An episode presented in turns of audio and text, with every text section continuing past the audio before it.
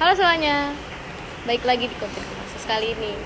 Oke, sekarang Istai bakal jadi host alias MC Eh, dan kita pengen bincang-bincang lepas aja sih sama narasumber kali ini. Narasumbernya kece badai loh. Boleh kenalan dulu nggak? Ya bisa. bisa bisa. Kenalan dulu kak. Ya Siapa nih? nama saya Dadang. Halo. Namanya Kak Dadang. Tapi bukan Haredang ya, bukan Dadang. Oke, jadi kita mau ngobrol apa nih sama Kak Dadang? Kita bakal ngobrol tentang hak atas kota. Ini kita semua kan tinggal di kota nih. Teman-teman di desa juga kan tahu kota itu kayak apa yang gedungnya tinggi, eh, pak penduduknya banyak. Tapi kenapa penting sih kita membahas hak atas kota?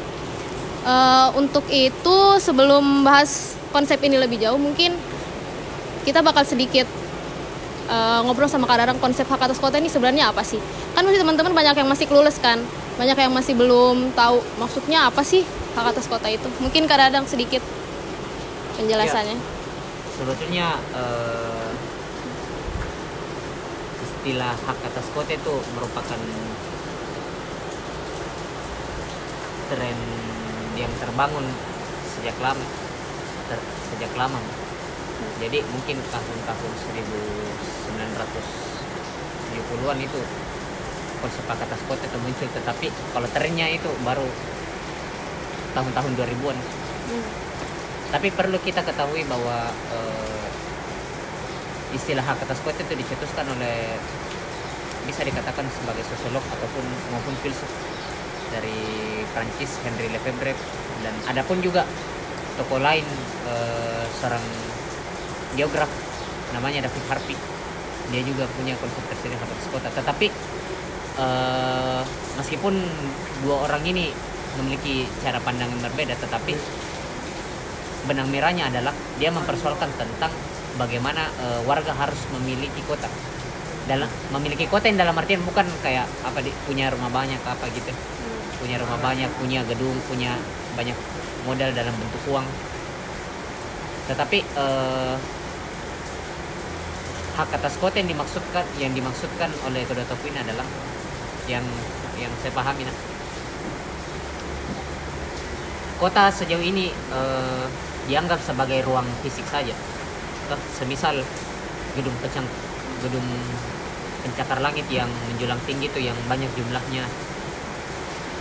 Fasilitas-fasilitas eh,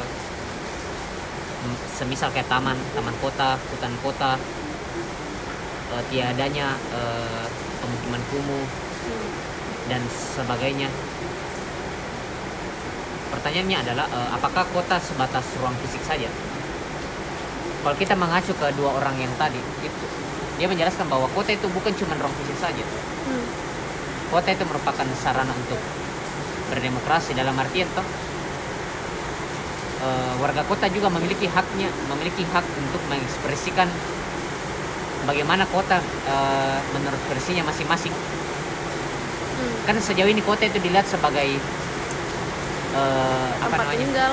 tempat tinggal yang di mana cuman pemerintah pemerintah yang entah Ah. apa kepentingannya dia mau dia mau membangun kota seperti apa tuh Hmm. pasti ada kepentingan nah eh, dalam konsep hak atas kota warga itu memiliki warga juga warga pun juga harus memiliki eh, berperan dalam mewujudkan kotanya jadi Iya. kota yang dilihat sebagai tempat ruang bersama gitu Hmm. Jadi nggak nggak cuma pemerintah yang melulu mengatur kotanya harus gini harus gini, tapi masyarakat juga punya hak untuk mau dibawa ke mana kota yang Iya, mereka kayak- tinggali ini. Kayak begitu sebetulnya. Kan begitu uh, standar-standar pemahaman kita mengenai kota secara awam. Iya. Padahal uh, menurut uh, Lefebvre maupun David Harvey itu enggak begitu sebetulnya. Oke. Karena ruang bersama ini kota ini. Mhm. Eh, kalau gitu, ini kan sekarang eh lagi pandemi ya kak. Ini pandeminya juga nggak nggak cuma eh, hampir lah di, di semua kota lah bahkan di Indonesia itu eh, rasakan pandemi ini. Mungkin kalau misalnya dikaitkan sama konsep atas kota, keadaan kota sekarang tuh gimana sih kak? Nah, kalau mengacu sama hal yang tadi saya jelaskan, kalau kota ini dilihat sebagai ruang fisik maupun ruang sosial Hmm. yang saling berhubungan satu sama lain dan saling berpengaruh. Kita kaitkan dengan konteks COVID yang di mana sejauh ini eh, menurut pemerintah COVID itu ada sehingga eh, menjadi alasan kenapa status darurat kesehatan itu diberlakukan. Hmm. Nah konsekuensinya kita lihat sekarang ini segala hal eh, serba dibatasi. Iya, terbatas. Semisal kita mau pergi ke fasilitas kota, semisal kayak taman, kita dibatasi. Hmm. Secara jumlah harus pakai standar-standar protokol kesehatan, kesehatan. seperti yang pakai masker, eh, apa lagi namanya, yang kacamataan itu, Oh, face shield gitu. eh, face shield, face shield. Dan apa apa namanya, eh, kita langsung dibuat ah, shock akan keadaan "Loh, kenapa begini? Hmm. sehingga kita tidak merasakan kayak bagaimana ini sensasi menikmati kota seperti dahulu-dahulu kala. Hmm. Nah. Dan semua eh, pembatasan, larangan dan apa pun itu yang berkaitan atas nama untuk keselamatan keselamatan keselamatan kita agar kita tidak terjadi Terpapar. virus itu dimiliki semua oleh pemerintah itu Oh iya. Dikendalikan kayak gitu ya. dikendalikan semua tuh. Jadi apa pun itu yang eh, apa pun yang berkaitan tentang covid itu ya eh, pada ujungnya akan kembali ke pemerintah. Cuman pemerintah yang bisa memutuskan apakah eh, ini boleh dilakukan atau tidak Hmm. atas nama keselamatan tadi yang saya bilang. Iya.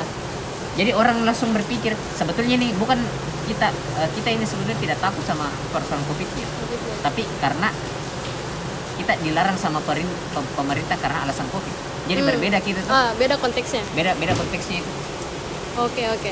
Nah, eh, bagaimana kita sebagai warga, eh, bagaimana kalau kita lihat ini kota sebagai tempat tempat bersama untuk mengekspresikan hak hak kita, ya tentunya warga juga berperan untuk peran peran paling minimal itu eh, adalah mengkritik sebuah kebijakan. Hmm. Kan kan saja ini potensi untuk mengkritik itu agak minim kan? Yes. Kenapa? Kurang. Karena pemerintah memiliki eh, apa mengontrol semua wacana yang keluar. Hmm. Jadi apa pun itu tidak sesuai dengan versi pemerintah itu dikat. Semisal isu-isu isu-isu hoax atas vaksin, isu hoax atas eh, apa namanya? Kalau kita melakukan ini, apakah iya. itu eh, menjauhkan kita dari corona? Semisal Hmm, hmm. kalau pemerintah mengatakan tidak, ya tidak. Padahal kita juga punya apa deh, apa namanya hak untuk menyatakan pikiran kita tuh sebagai warga kota bahwa ya kita pemerintah mohon untuk eh, tidak mengontrol semua wacana yang beredar. Kita juga punya hak untuk kan menyatakan Iya. menyatakan itu. Mungkin eh, pemerintah juga kurang wadahi masyarakat sih kayaknya untuk eh, bisa berperan aktif dan bisa lebih tahu sama masalah covid ini karena eh, mungkin dari yang kita eh, yang kita lihat-lihat juga di berita masyarakat malah skeptis gitu sama kebijakan yang dikasih eh, pemerintah. Belum lagi kan eh, pasti kakak juga tahu kalau banyak sekarang orang-orang yang eh, di PHK mungkin dipecat banyak yang eh, usaha-usaha yang akhirnya gulung tikar gara-gara eh, pemasukan mereka itu selama covid berkurang Ya, nah, ya semisal contoh itu tuh eh, kita coba uraikan bagaimana kaitannya dengan eh, hak atas kota. Hmm. beberapa ribu buruh di PHK selama kurun waktu bulan April sampai sekarang Eh, itu. Karena pemasukan dari perusahaan Ah. itu minim karena eh, persoalan pembatasan sosial tuh yang berskala Mm. besar. Nah kalau di PHK otomatis dirumahkan. ya Nah sedangkan kalau kita di rumah baru kita disuruh cari kerja ya bagaimana Bagaimana? caranya? agak lucu, agak lucu tuh. Nah, kita mau makan apa juga karena makan apa. bantuan dari pemerintah juga kayaknya eh, enggak semua rata gitu masyarakat dapat. Jadi wajar saja ketika jadi ja- jadi jangan salahkan eh, rakyat kalau ketika eh, warga ketika eh, kenapa membludak ini jalanan ini karena aktivitas kerja yang agak aneh kan di tengah-tengah pembatasan sosial. Oh, iya, karena pemerintah sendiri yang buat kita eh, harus melakukan demikian secara Hmm. tidak langsung. Iya, iya. karena kita dilarang disuruh di rumah terus tidak ada jaminan jaminan sosial yang Ah. diberikan jadi wajar kita keluar begitu. Iya. Untuk setidaknya cari makan lah buat sehari-hari begitu. Eh, terus kan sekarang dengar-dengar mau ada vaksin, tapi eh, kayaknya pemerintah itu malah semakin kesannya menakut-nakuti ya, menakut-nakuti kalau eh, kalau misalnya kita sering keluar, sering eh, beraktivitas di luar rumah, eh, malah bikin angka covid tuh naik kan sekarang-sekarang ini dan apalagi di menjelang akhir tahun. Dan ternyata eh, yang saya lihat-lihat juga banyak fasilitas-fasilitas kota yang ditutup untuk eh, batasi kegiatan masyarakat di akhir tahun. Padahal kan mungkin tadi kakak bilang ada haknya masyarakat untuk nikmati eh, fasilitas-fasilitas ko- fasilitas kota mungkin. Misalnya kayak pusat perbelanjaan atau taman Eh, pokoknya ruang-ruang publik yang sebenarnya harus dimanfaatkan sama eh, masyarakat mungkin menurut kakak kayak apa sih kurangnya pemerintah eh, ke masyarakat untuk eh, tangani eh, semua ma- masalah-masalah yang dirasakan sama warga-warga selama covid Eh, selain eh, masalah ekonomi yang tadi kita bahas mungkin ada masalah lain lagi gitu yang kiranya eh, pemerintah itu harus fokus ke situ juga Iya karena apa? Sejauh ini yang ditunjukkan oleh jadi sebetulnya kondisinya warga kalau saya lihat nah ini sebetulnya dibuat jengkel gitu sama tingkahnya pemerintah. Kenapa demikian? Karena kita dilarang, tapi mereka anu, mereka sebaliknya. Ah. oh itu, iya, iya, itu terlepas dari persoalan eh, ekonomi dan eh, hak sipil politik, Hmm. budaya dan sebagainya. Sejauh ini eh, sikap sik- eh, sikap-sikap pemerintah ini ke kita lewat berbagai kebijakan dia eh, keluarkan ataupun statement-statement politik dia dia keluarkan itu selalu cenderung membuat kita jengkel. Kenapa demikian? Di tengah-tengah pemberlakuan status darurat kesehatan karena COVID ini, contohnya saja eh, itu tadi tuh kita di PHK terus kita disuruh di rumah dengan alasan supaya menghentikan penyebaran Ah, covid ah, penyebaran COVID. Tapi di sisi lain tidak ada jaminan yang diberikan nih. Jadi sebetulnya maunya apa itu? Iya juga karena kalau misalnya di rumah di rumah Ki juga terus eh, mau makan apa gitu anak-anak juga gitu kan belum lagi eh, kegiatan misalnya kayak kita lah yang mahasiswa di di kampus juga sangat dibatasi karena eh, takut terpapar sama covid padahal ini kampus kan juga ruang kan kak ruang ruang untuk kita manfaatkan. Dan lucunya ketika kita disuruh di rumah, dilarang apa namanya melakukan segala aktivitas yang dikatakan berpotensi itu. Hmm. Terus pemerintah katakan beberapa bulan yang lalu pas awal-awal bahwa COVID ini tidak bisa disembuhkan tanpa vaksin ini. Nah, sedangkan iya. ada orang sembuh ini tanpa vaksin pun juga. Iya. Baik- Jadi kayak apa? Kayak orang sebetulnya dibuat jengkelin dengan tingkahnya Eh. pemerintah tuh. Apa apa sebetulnya? kadang ini kayak apa kontradiksi kata-katanya bikin Kontradiksi. bingung Makanya segala hal yang berkaitan tentang cara kita untuk menikmati nih eh, kot- kota kota kita secara bersama Hmm. itu sebetulnya agak agak terjerum anu eh, tergerus iya agak agak miss sama definisi yang tadi tuh yang hak atas kota yang kita punya hak untuk ini ini ini malah dibatasi dengan alasan eh, untuk eh, menjamin kesehatan masyarakat gitu ya Iya yang kayak begitu. Padahal kalau kita perluas ini konsep atas kota ya sebetulnya kota juga sebagai sarana untuk apa nih memulihkan apa nih kondisi psikis kita yang agak tertekan gitu. Hmm. Semisal kayak sering di rumah di rumah di rumah terus. Jadi Hmm. maksud dengan kata lain refreshing juga merupakan hak kita untuk kan iya gitu ya hiburan dan sebagainya. Mhm. Eh, jadi kalau misalnya menurutnya eh, Kak Dadang ini penting gak sih masyarakat itu paham sama konsep atas kota dan kenapa perlu? Kenapa kenapa demikian? Karena eh, kalau kita kembalikan ke awal lagi, ketika kita eh, mengembalikan bukan sih mengembalikan, tetapi ketika kita menganggap bahwa hak kita ini harus dikontrol lebih oleh pemerintah, ya wajar-wajar saja ketika terjadi penggusuran kontradiktif kontradiksi kebijakan yang dampaknya Hmm. kita yang cuman cuman kita yang kena. Wajar saja terjadi itu.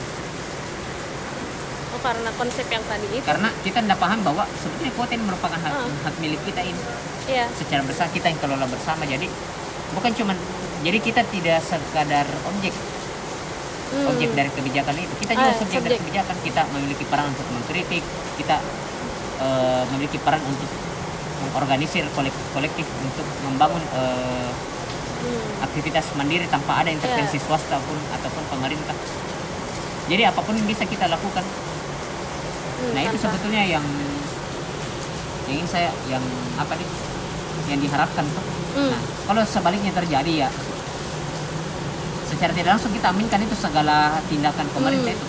kayak eh, ya udahlah biarin aja gitu kayak Hmm, kayak dibiarkan saja terjadi tanpa kita juga sebenarnya mungkin ada lah eh, masyarakat yang eh kayaknya nggak bisa begini deh yang kayak pengen eh, lawan ininya lawan batasnya lawan limitnya Eh, tapi mungkin karena keterbatasan ruang dan masyarakat tuh mungkin kayak takut duluan sih kayaknya untuk eh, apa untuk lawan atau mungkin kritisi kebijakannya pemerintah. Nah, se- sebagai contoh, semisal lokalisasi pedagang kaki lima itu di lapangan Karebosi, Hmm. kan itu pedagang kaki lima dulunya tuh waktu tahun 2000 penghujung tahun 2018 sampai awal 2019 Hmm. itu awalnya tersebar di berbagai penjuru di pinggir jalan di kota Makassar semisal di Pataran itu paling banyak Iya, iya. Jadi mereka dipindahkan itu dengan alasan supaya tidak mengganggu aktivitas jalan supaya steril Hmm. eh, pinggir-pinggir jalan makanya kita lakukan lokalisasi oke sebe- konsep lokalisasi sebetulnya bagus Iya. Bagus. tapi persoalannya adalah pedagang kaki lima di lokalisasi kalau kita lihat eh, dari perspektif ekonomi itu Hmm. sebetulnya itu tidak sehat sebetulnya persaingan usahanya karena demikian karena dari ujung dari sampai A, A sampai Z nya itu penjual. penjual itu sama semua menjual kopi gorengan jadi tidak tidak bagus kan persaingan Hmm. usahanya tuh Iya. Kalau Nah. ada yang beli di sini, nggak ada lagi di Nah, situ. tidak ada untungnya nah berbeda dengan konsep eh, apa konsep lokalisasi untuk membangun persaingan usaha yang Hmm. sehat Sehat. yang dilakukan di Bantaeng semisal Hmm. Eh, memang lokalisasi dari ujung sampai anu, eh, pedagang kaki lima. Tetapi semisal 1 sampai 3 pedagang kaki lima itu sama semua jualannya. Hmm. 4 sampai 6 itu berbeda lagi. Semisal Hmm. dari 1 sampai 3 itu jual minuman. Hmm. 4 sampai 6 nya itu jual gorengan. Selebihnya itu makanan berat dan seterusnya. Hmm. jadi mudah ki eh, apa istilahnya di enak sharing ekonominya. Iya, variatif juga variatif jualannya tuh. Berbeda dengan yang dilakukan anu Oh, lokalisasinya bagus tetapi ada hal ada satu hal yang tidak dipertimbangkan itu bahwa Hmm. kita juga butuh ki eh, apa namanya potensi pasar yang agak tinggi nah harapannya kita di pemerintah Oh iya. Yang punya bukan, kuasa bu- ah, gitu. bukan sekadar menempatkan kita di satu tempat bilang begini begini supaya rapi tidak Hmm. tidak sekadar itu Oke, mungkin ini juga sih eh, waktu yang masih awal-awalnya pembangunan CPI juga kan sempat digusur tuh rata-rata kayak nelayan di situ. Sempat kan juga baca-baca eh, kalau sebenarnya kan mau dibikin ada rusunawanya nih buat eh, apa penduduk-penduduk yang di situ tapi ternyata nggak semua dapat.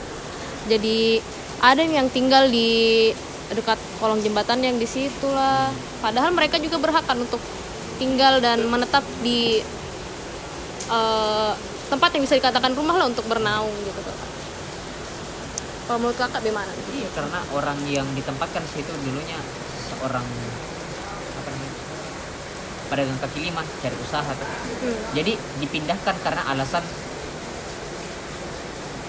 lokalisasi supaya tidak kumuh oke bagus disediakan memang fasilitas yang lebih memadai tuh Hmm.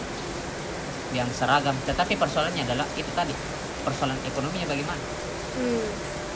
Karena malah itu sih katanya tidak menentu juga penghasilannya mereka gitu. Sama pembangunan tol juga waktu itu kan sempat eh, apa wawancarai juga orang-orang di situ malah katanya turun pendapatannya semenjak pembangunan eh, tol yang katanya eh, mau jadi eh, ikon di Makassar untuk eh, tahun 2020 ini sih rencananya terus untuk supaya lancar juga eh, jalan di Petaran yang selalu ramai. Kan di, di- eh, dikasih tol kan untuk supaya lancar juga supaya mengurangi kemacetan katanya. Malah mungkin kalau misalnya kakak lihat juga kayak ndak ada ji ininya gitu. Ndak ada ji apa belum dikelihatan efeknya gitu loh sama yang diusahakan pihak-pihak terkait ini buat masyarakat. Apa salah satu hak salah satu kalau kita perlu atas kota ya salah satu hak warga juga menikmati jalanan yang bersih tanpa polusi dan ada pohonnya iya nah sada, kan kan begitu ada an pembangunan kalau dibangun supaya memperlancar arus Eh, ekonomi ekonomi. kan ini baku saling terhubung ini Ah. tol Petarani sampai uh, Insinyur Sutami iya iya jadi yang nikmati di atas itu pengguna mobil roda empat Hmm. Nah, sedangkan yang dibawa adalah korban dari pembang- jadi jadi rejim jadi rejim pembangunan sekarang ini selalu mengedepankan hal-hal yang sifatnya fisik itu. Hmm, Nah, iya, iya. sedangkan kalau kita lihat kota kota secara luas, ya kota itu bukan sekadar fisiknya saja, tapi ruang tapi ada juga aspek sosial sebe- sebesar aspek ekonomi, aspek psikologisnya bagaimana. Hmm. Jujur banyak, makanya wajar saja banyak eh, apa namanya dari dari kita apa namanya kafe ataupun eh, tempat-tempat tempat-tempat publik di Makassar itu selalu meng, anu, mengatas selalu membawa sensasi-sensasi sensasi pedesaan. Hmm.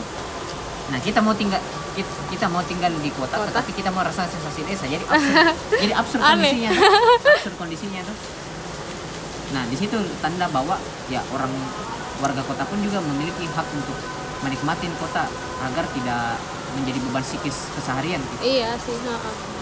kan banyak orang berpikir begitu Hmm.